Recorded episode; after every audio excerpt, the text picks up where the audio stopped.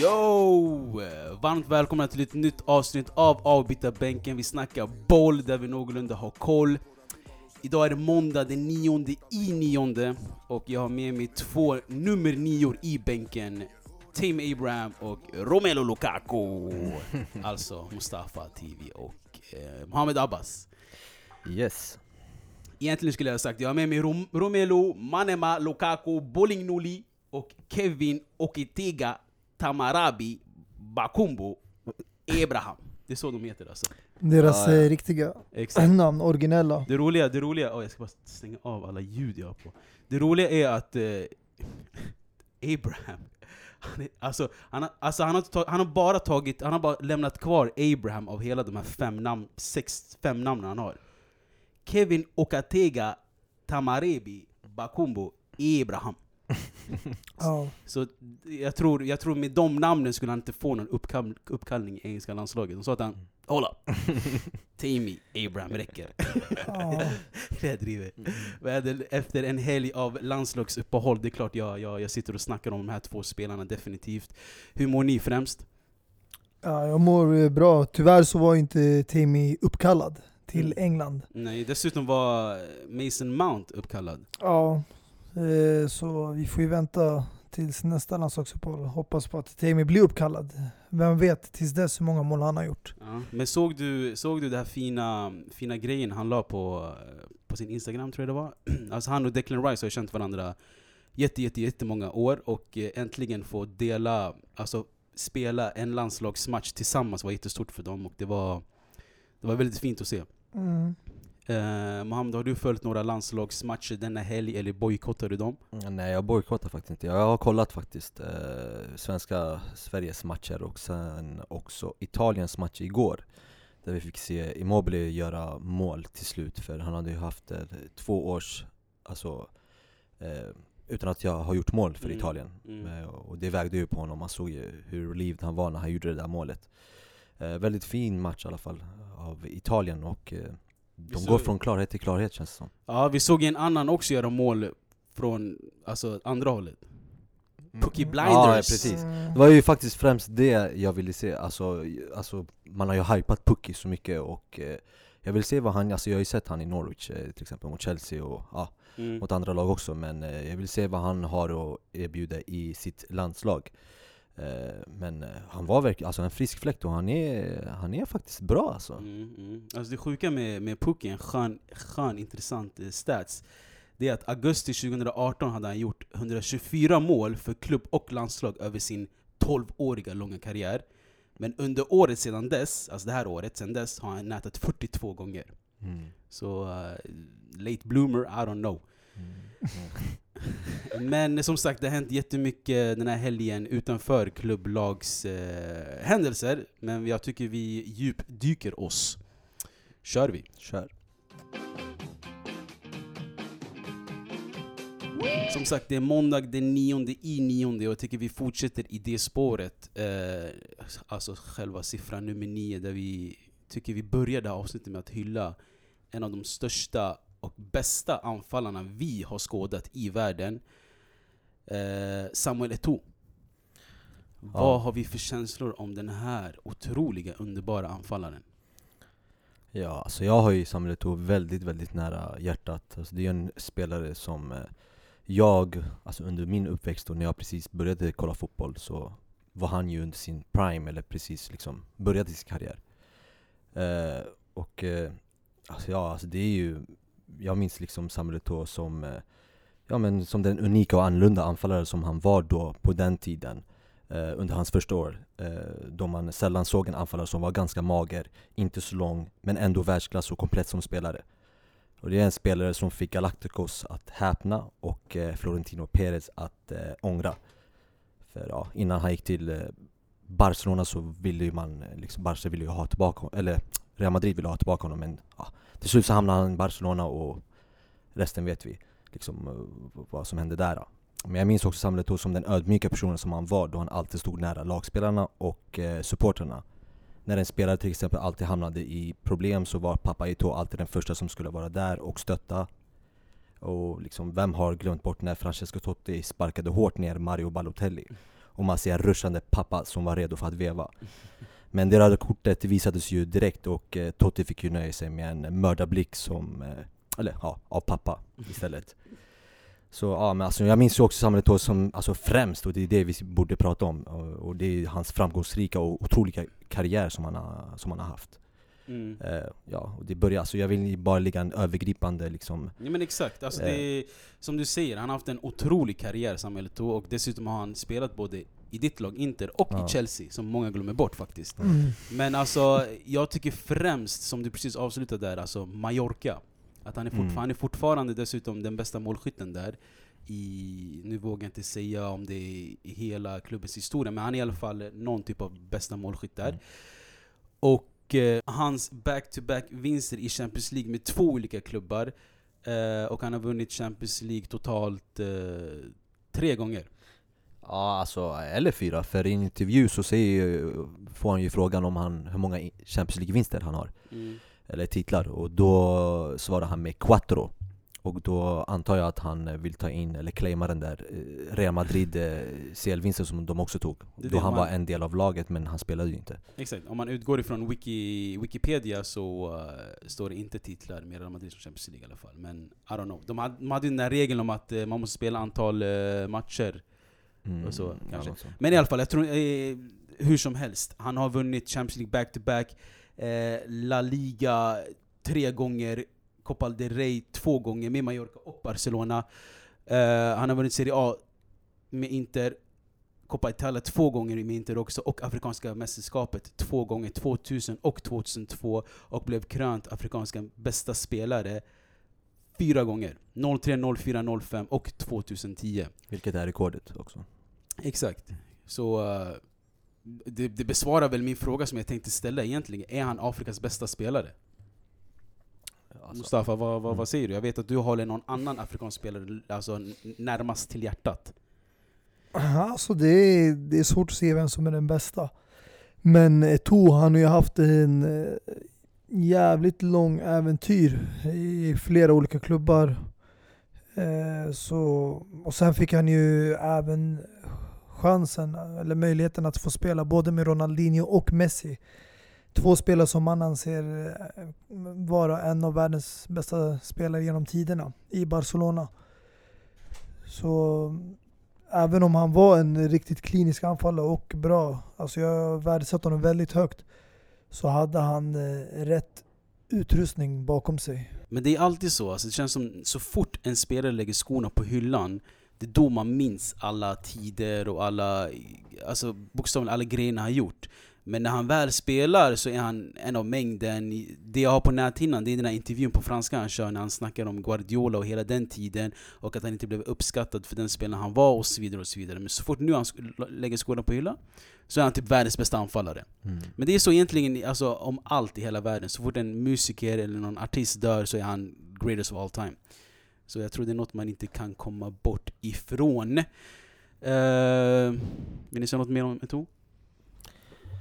Alltså med det sagt, jag, jag, jag hör vad du säger men jag tror fortfarande inte att han, eh, han kommer Alltså de här nya youngen som kommer växa upp nu kommer inte känna till honom, tror Det är jag. klart. Alltså, det är, ja, men, Nej men alltså, vi, vi känner ju till liksom eh, Ja men Roger Milla till exempel. Han är också från, från, från samma landslag och vi känner till honom. Eh, Men, eh, och spelare typ som Romario och de här vet, som har varit bra, man känner till dem. Men på ett sätt känns det som att de här som växer upp nu och som kollar på ja, men fotbollen just nu de, de stirrar ju blint bara på Cristiano Ronaldo och Messi mm, mm. Till skillnad från när vi hade under våran tid så fanns det ofantligt många jättebra, du, eh, duktiga spelare. Alltså bara tänk Samuel Eto'o under hans tid när han var som bäst. Alltså du kunde bara, alltså, nu orkar jag inte. Det finns så många att rabbla upp eh, Mm. när det kommer till anfallare. Mm, mm. Men i dagens, alltså idag, det, ju, det finns ju ingen som man kan rabbla upp. Men Det, det- det, är ju det- bara Messi och Cristiano Men det är det jag Ronaldo. menar, de, Messi och Ronaldo de har, förs- alltså, de har bokstavligen dödat systemet. Alltså förlåt mig, de har våldtagit Mm. fotbollen. Ja. Om jag får uttrycka mig sådär.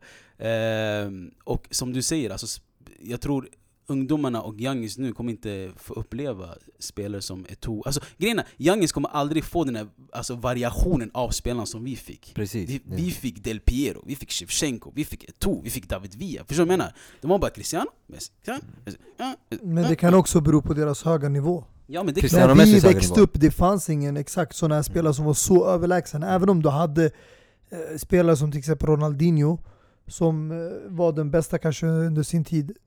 Han var aldrig lika bra som Messi och Cristiano är nu. Och Mm. inte lika kontinuerligt i tio år.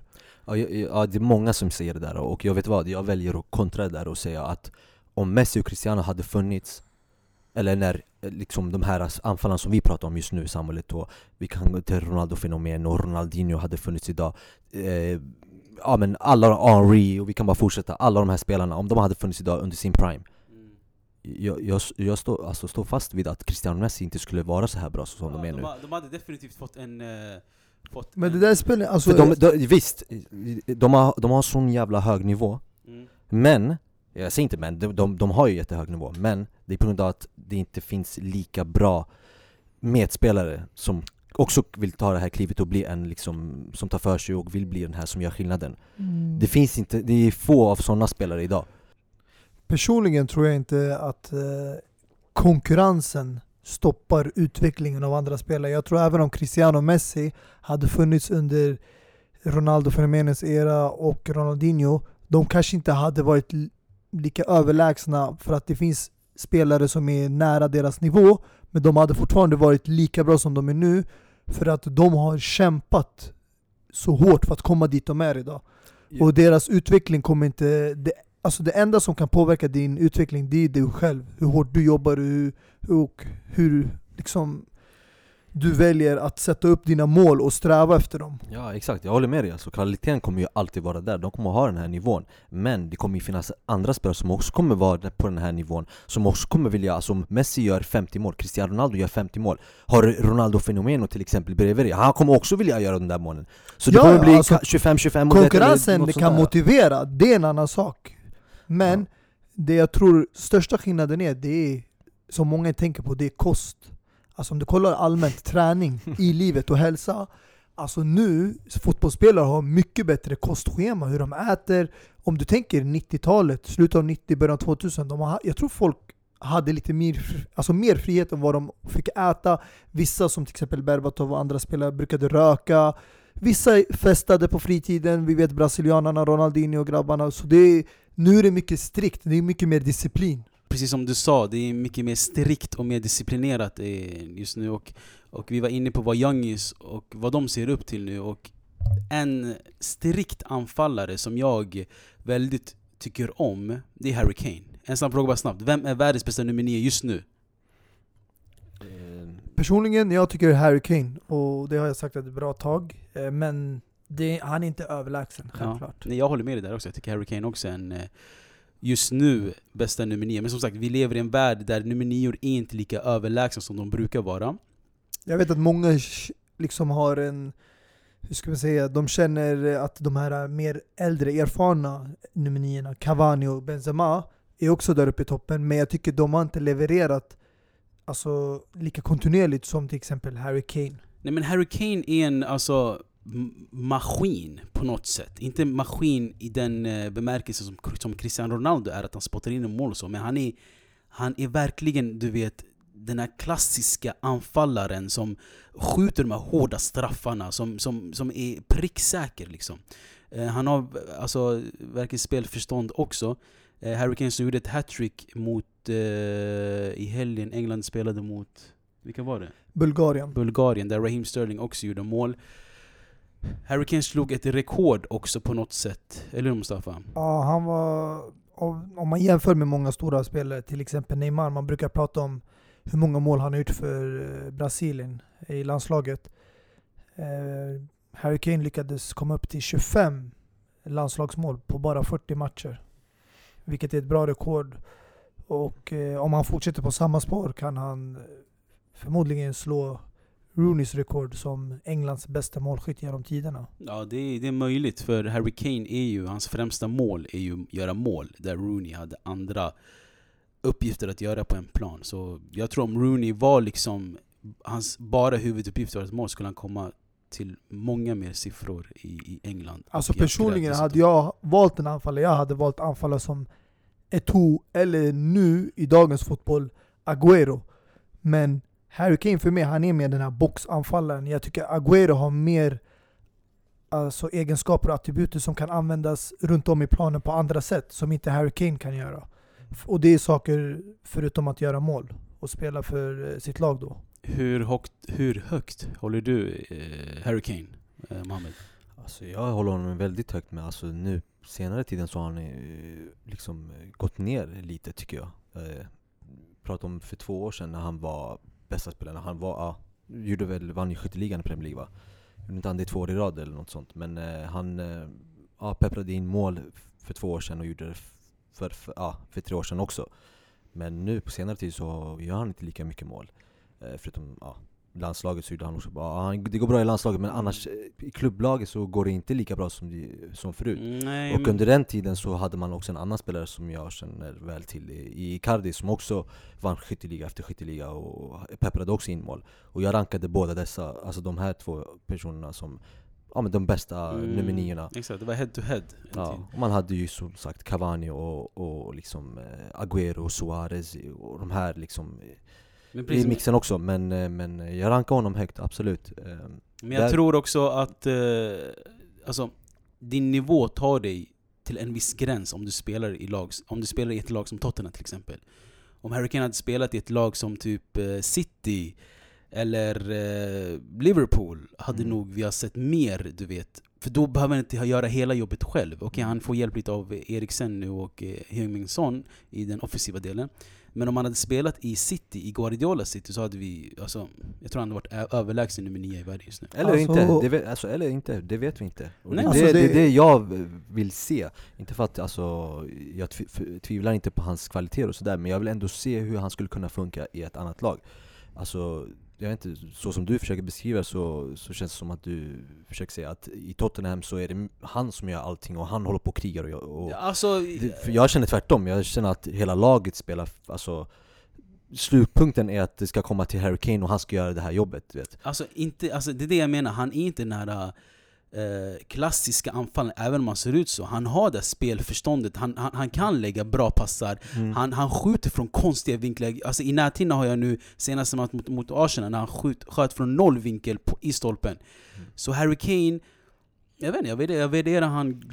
Men det, det kanske säger sitt också, att, att jag värderar Harry Kane så högt kanske betyder att det inte finns så bra anfallare just nu i, i världen. Ja. Kan Alltså, vara det jag också. får bara flika in där, alltså, nu pratar vi bra anfallare. Vi har ju Agüero som är världsklass enligt mig och har varit det varje år sedan han kom till City. Men om du spolar tillbaka bandet några år, Harry Kane, förutom förra året, de fyra åren innan har han nätat över 20 mål varje år i Premier League. Han gjorde 21, 25, 29 och sen 30. Det året när Mohamed Salah vann ligan, han gjorde 30. Mm, mm. Vilket är ändå alltså, ett rekord för honom och han förlorade mot en annan som gjorde vadå 31-32 mål i Premier League. Mm. Så det är ingenting att liksom vara besviken över. Det är ändå en statistik man ska vara stolt över.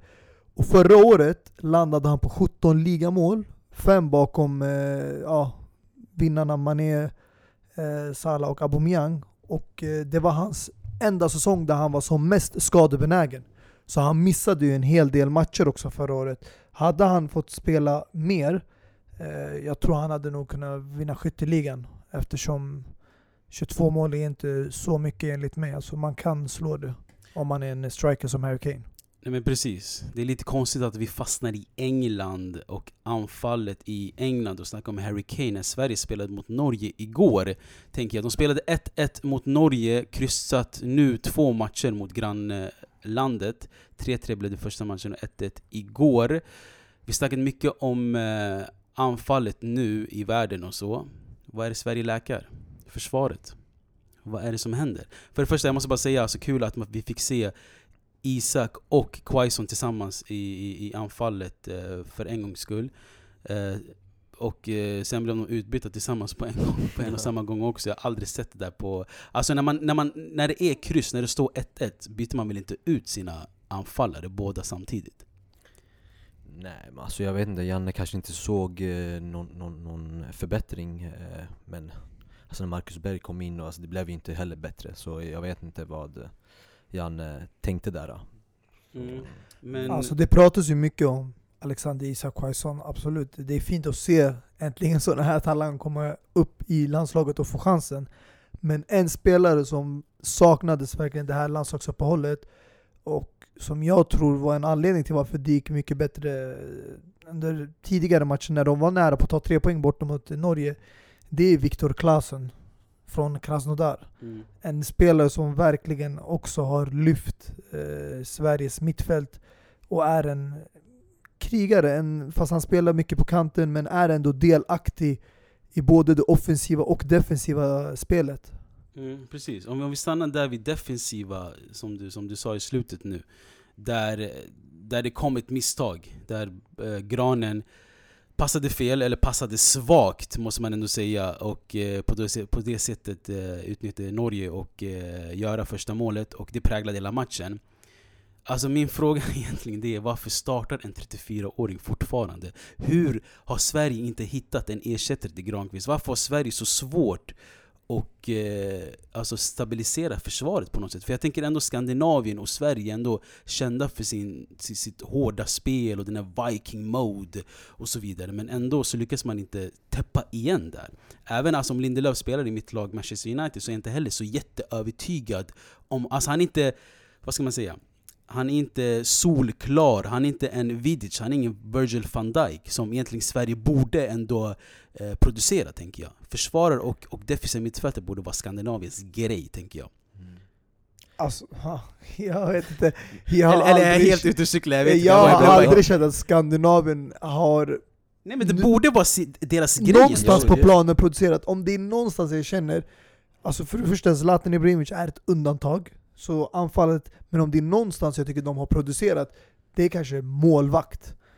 För de har haft eh, Isaksson, och sen innan det förut, eh, vad heter han? Målvakt har de inte producerat som, Jo, som, de som, alltså, hade- som, eh, som Ravelli. fan. Ravelli, exakt den klassiska. Men jag tycker alltså försvaret, det är det enda jag kommer ihåg som var alltså, en bra försvarare som folk kanske fruktade om man ska säga, och det är Mellberg. Mm, Det är ju Men- bara Mellberg. Ja exakt, det är ingen annan jag känner. Men nu, jag tycker ändå de har, jag tycker du är lite för hård mot Lindelöf. Jag tycker han, om Ja, det är det är någon bra. i United jag skulle välja ut idag är det Lindelöf. Sen tycker jag till exempel vänsterbackpositionen, Augustinsson som kom in och petade både Oscar Wendt och Martin Olsson, är en fantastisk vänsterback.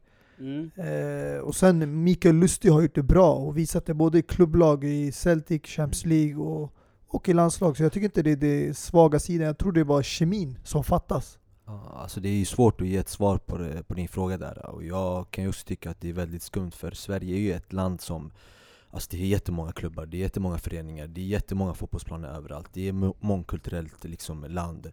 Det produceras många liksom, alltså alla spelar ju fotboll, om det är någon sport här i Sverige som man ska spela, det är ju fotboll.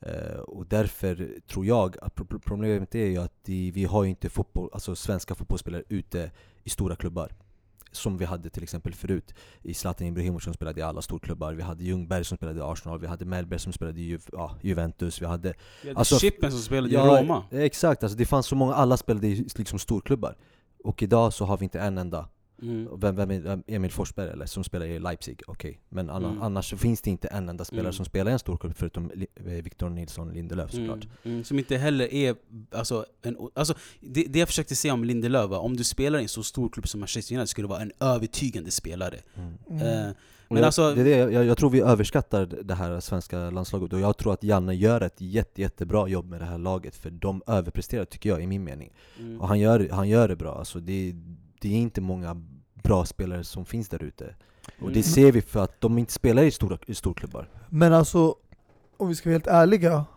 det är inte som att han har ont om alternativ.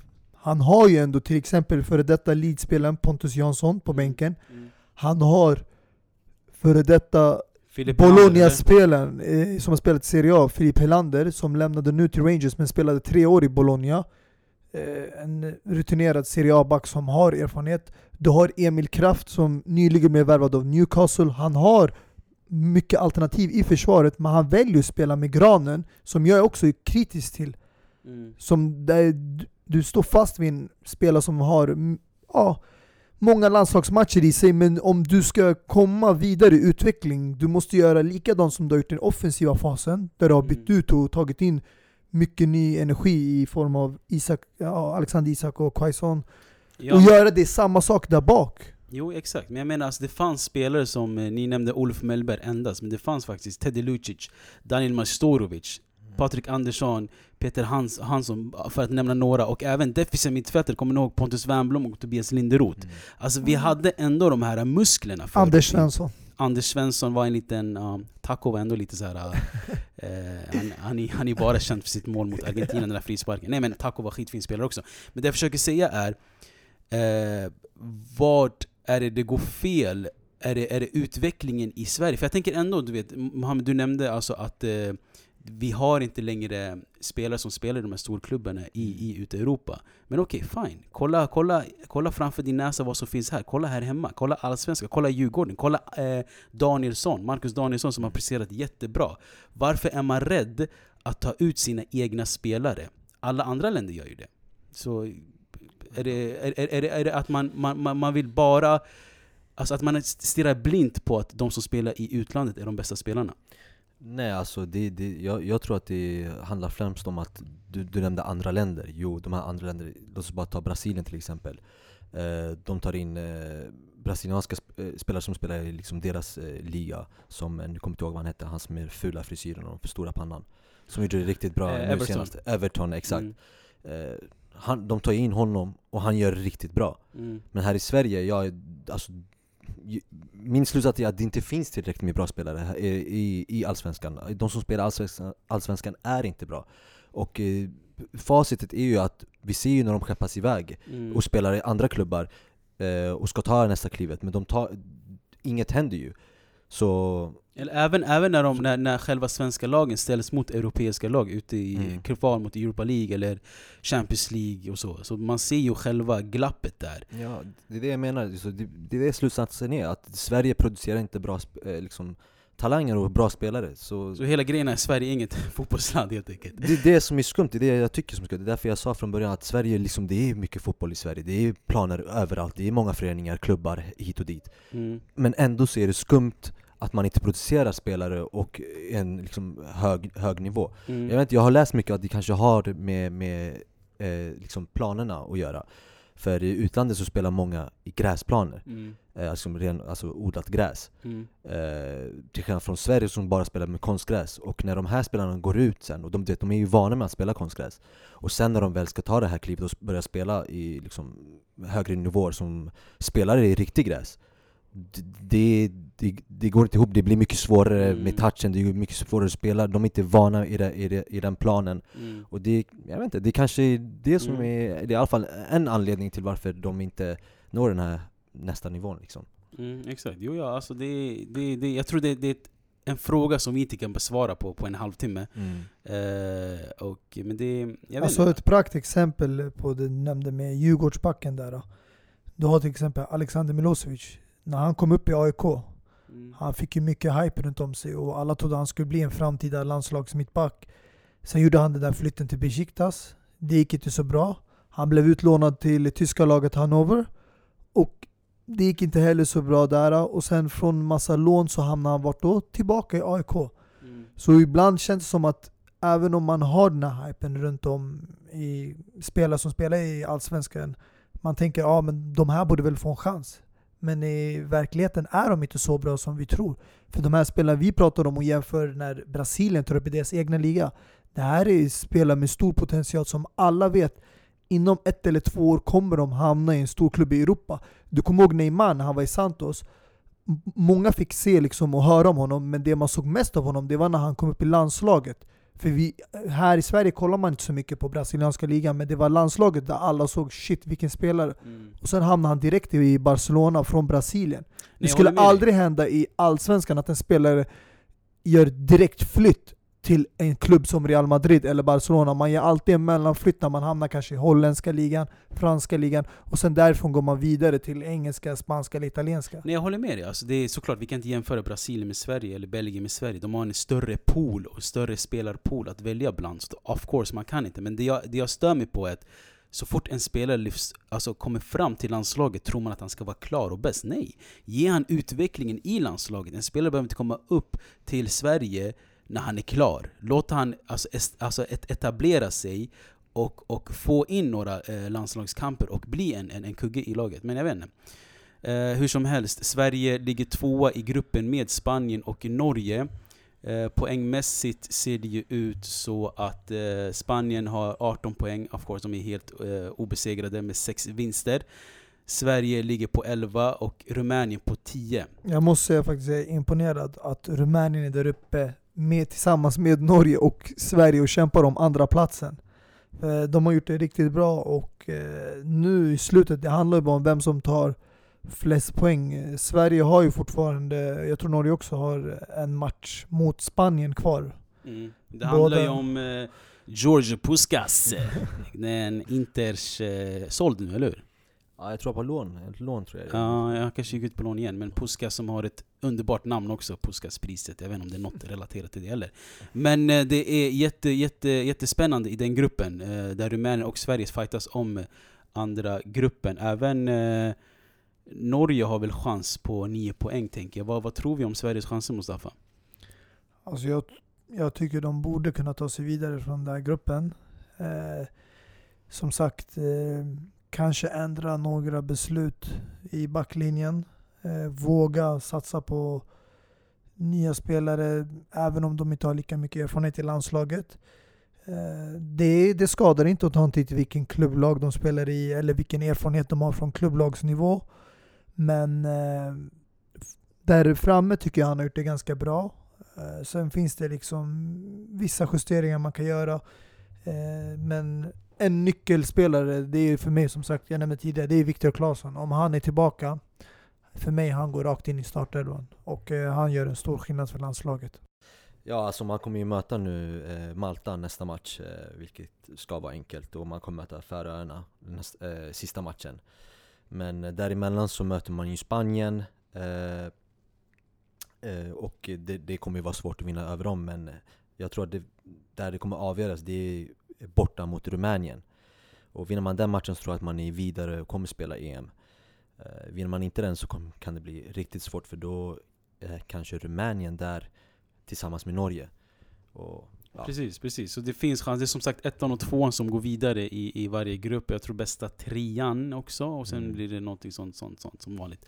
Eh, kort bara innan vi lämnar hela landslagssamlingen eh, vill jag ändå bara lyfta upp Holland. Vilket jävla lag de har blivit alltså. Vi, vi såg dem mot och Tyskland jävla tillsammans. Match. Vilken jävla match. Tyskland de spelar idag mot eh, Estland där det kommer bli säkert eh, mord i Tallinn. um, Holland som har en... Alltså vet du vad jag tror? Jag tror den här, Span den här vågen som Spanien hade förut med alla sina spelare, de vann EM, VM, back-to-back. Jag tror Holland är på väg till den vågen nu. Alla får en våg, och jag tror Holland, du håller inte med mig Mohammed eller? Alltså, nej, grejen är alltså, jag, jag känner alltså Holland är riktigt bra just nu. Däremot så tycker jag inte att individ, liksom spelarna, har den här väldigt höga kvaliteten som Spanien hade, som du försöker liksom mm. förklara. Mm. Däremot, det som tar dem så, alltså det, det, varför det går så jävla bra just nu och det som tar dem till liksom höga höjder Jag tror att det är på grund av moralen, det känns som att alla vet vad de ska göra, alla har en liksom, är glada och man märker, alla vet vad liksom det, De är en enad grupp och det, det, det är faktiskt mycket viktigare än vad, vad man tror, att man har moralen det, det kan ta en till en liksom, EM-vinst liksom, och, och en, till och med liksom, VM-vinst också. Exakt, och de har, alltså, de har gjort det här landslaget till ett klubblag. Mm. Där alla känner igen varandra, det är en bra lagsämja som du säger.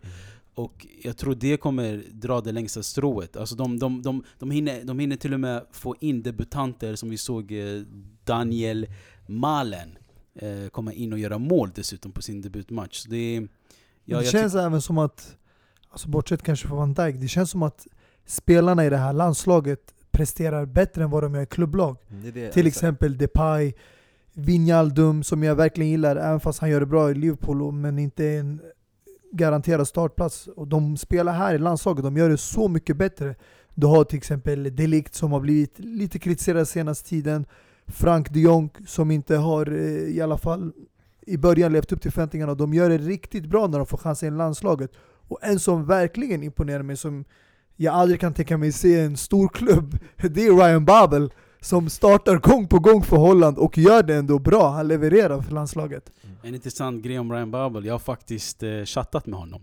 Tror det eller inte. Eh, det var tider han eh, inte spelade i sån stor klubb. Jag tror han var i Deportivo La Coruña den här tiden. Och eh, jag tror han var lite deppig. Alltså det är true story alltså. Jag, på, på riktigt. Jag, alltså, det var en tid jag hade många spelare på Snap. Eh, bland annat Jesse Lingard, Romelu Lukaku Graham Ryan Babel var en av dem. Och Ryan Babel brukar faktiskt svara. Jag hade faktiskt Filipe Luis också. Men han brukade bara öppna mina, mina chatter. Fabregas, han sa en gång, han bara 'Vem vill möta på Fifa?' Jag svarade, han, han, han, han, han, han öppnade, han sa ingenting. Han var säkert rädd. Men skitsamma. Ryan Babel, han brukade svara, vi brukade prata lite fram och tillbaka.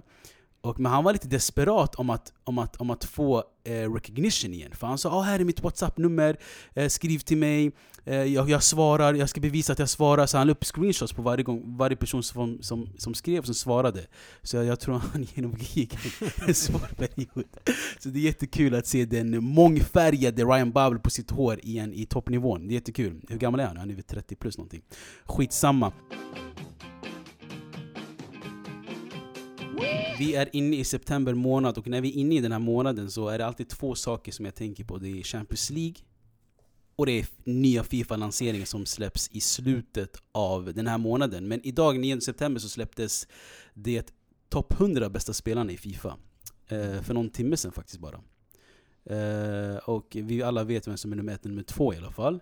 Det är Messi och Cristiano. Men sen vet jag inte hur listan ser ut. Eh, Har någon av den här uppe eller? Eh, jag har faktiskt den här, kom jag på. Låt mig bara swipa lite. Jag kan Där. swipa vidare åt dig. Ettan som sagt Messi, tvåan Cristiano, trean Neymar, fyra Hazard, femma Kevin De Bruyne, sexa Jan Oblak, sjua van Dijk, åtta Mohamed Salah, nia Modric och tia Ter Stegen. Ja, eh, innan Abba säger någonting så vill jag bara stoppa det där Dini, varför du ens vågar liksom andas på det där sättet när du nämnde Hazards namn som eh, topp 4 för att om vi ska spola tillbaka liksom, vad är det, ett år? För det är så man utgår ifrån de här ratings. Okej, Okej, de kanske fortsätter på tidigare ratings, men jag kan hålla med dig om, jag, eller du sa ingenting om Neymar och Kevin De Bruyne som var bland topp 5. För det här är två spelare som har haft mycket turbulens senaste året och varit borta från fotbollsplanen. Vi har bara sett dem mycket ja, utanför fotbollen. Eh, speciellt Neymar som har varit mycket ja, kaos och sånt. Så det där jag förstår jag inte hur de har behållit samma ratings och inte droppat. Däremot, de jag håller med är Ronaldo, Cristiano, Messi och sen eh, Hazard som hade ett fantastiskt år, vann Europa League och gjorde kaos. Enligt många borde vunnit Premier Leagues bästa spelare. Eh, en som jag tycker jag verkligen saknar här, eller två faktiskt, det är eh, Kylian Mbappé och N'Golo Kanté. Mbappé som faktiskt är på elfte plats. Två som eh, vann både VM-mästerskapet och hade bra år i sina landslag. Mm. Eh, Oblak, jag har inte så faktiskt mycket att säga emot det. Jag tycker han förtjänar en plats i topp 10. Han har varit en underskattad och bra målvakt genom flera år i Atletico Madrid. Nej men alltså anledningen varför Hazard, Kevin De Bruyne och liksom, eh, ja vem kan det vara? Alltså du, du kan inte De nämna här spelarna. Hazard i samma mening men som De Bruyne. Jo men Hazard, Kevin De Bruyne och Neymar också, för de här tre Alltså de samarbetar med EA liksom sport och de är med i en så här cover, de är med i de här du vet, eh, minigames eller ja, Men om man du bortser från det där då? Nej men det är en intressant grej Nej som men du de, är ju med alltså. på de här liksom bilderna, det, när du startar PS, eh, liksom, ja, men, Fifa 19 eller Fifa 20 så kommer du se dem liksom på den här startmenyn Mm. och sånt där Och därför så får de typ någonting i kontraktet om att ni är med i vårat liksom cover och såna här grejer Så lägger vi det i 91, även fast du kanske ska vara 85 eller något sånt Det där, är det, förstår för, du? för du kan inte ha en topp 20 när du öppnar en Fifa. Precis, Han måste vara en- ändå... eh, Absolut, jag håller med. Um, Att såna här sponsor och du vet, medlem och avtal kan ge fördelar, men om vi bortsett från det och vad vi tycker att de här spelarna verkligen förtjänar. mm. Kolla på VM-mästerskapet som Hazard hade förra året. Alltså han blev ju utvald till Du den näst bästa spelaren efter Modric, vilket jag inte ens håller med där Du heller. kan inte ta upp VM när Nej, men- VM ska vara för Fifa 19, inte för Fifa 20, du kan inte ta ett helt Men jag två, tycker ändå så här, hålla i två VM. VM brukar ju ändå också röstas till årets Ballon d'Or som röstades i januari eller december och jag tycker ändå det borde, man borde ta hänsyn till det också för det är ändå det, det är där säsongen börjar om på nytt, VM och sen nya säsongen. Okej men okej lyssna, lyssna på det här då. Nummer 28, Sadio Mané. Mm. Hur långt bak är inte han? Jo men det är för att, eh, ja. Och Vad? vad? För han har vad? inte haft en eh, Han är Champions League-vinnare Han och- har och inte haft den här nivån länge, det var förra året det exploderade Ja, för men- Mané. Om du tänker... Men vad spelar det för? Fifa, Fifa kommer ju ut varje år, ett nytt spel kommer varje år. Och Mm. det ska ju vara aktuellt för de som är bäst just nu, Mm. för Ja. 20, så det är helt bisarrt. Raheem Sterling på nummer 24. Mm. Vad, vad, vad tycker du Sterling ska vara? Topp 10 eller? Topp, eh, topp, topp, topp, topp, topp, topp 15 i alla fall. Jag vill ha en glass, tipptopp. Topp 15 i alla fall. Ja, Nej, men sen finns det också vissa spelare, jag vet jag hade en diskussion med dig Mustafa innan, eh, att eh, Vertongen och Alderweireld har 87 båda två. Och Mustafa argumenterade om att de, de var i eh, Champions League-finalen. Alltså jag Och tycker men de... jag eh, köper inte det för det, Eh, alltså jag köper inte det. Alltså du kan ju vara dålig och hamna i Champions Och- League- League-finalen också. Jag menar, kolla Roma som hamnade i Champions League-semifinalen och, och då, med Juan Jesus till exempel. Vadå, ska han plötsligt också bli 87? Bara för, bara för att han hamnade, i sem- semifinalen? Men Men Nej, du pratar om för två år det finns ju sedan nu. an- Va?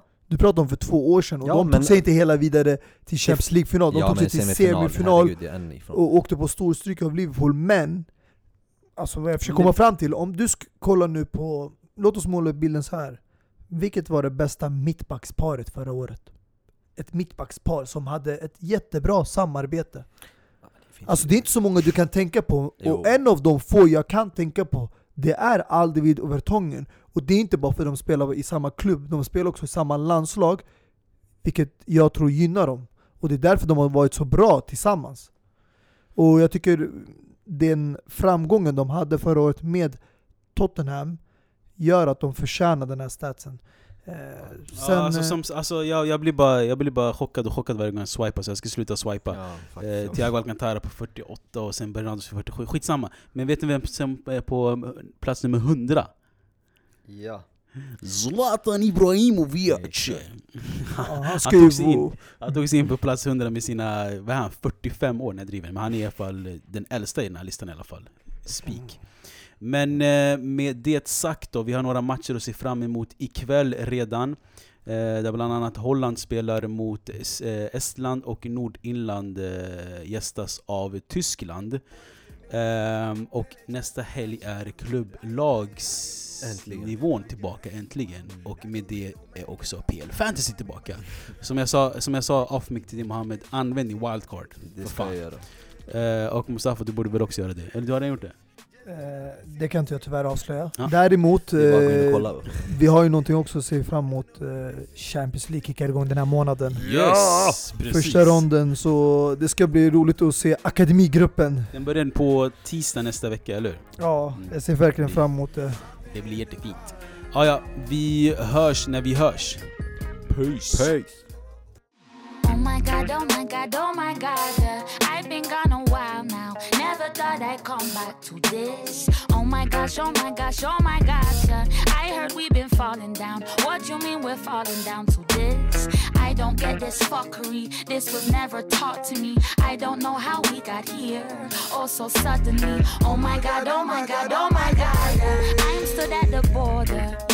And there's something in this Something's in the water. There's something in the water.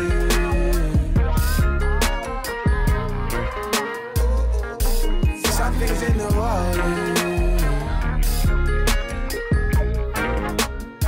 I think there's something in the water.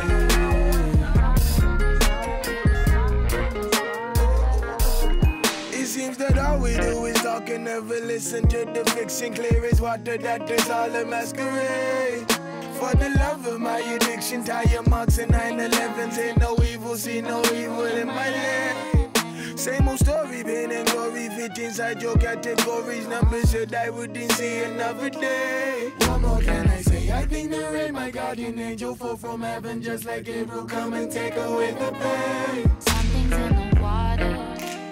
Bad things in this water. Something's in my brother. Something like no other.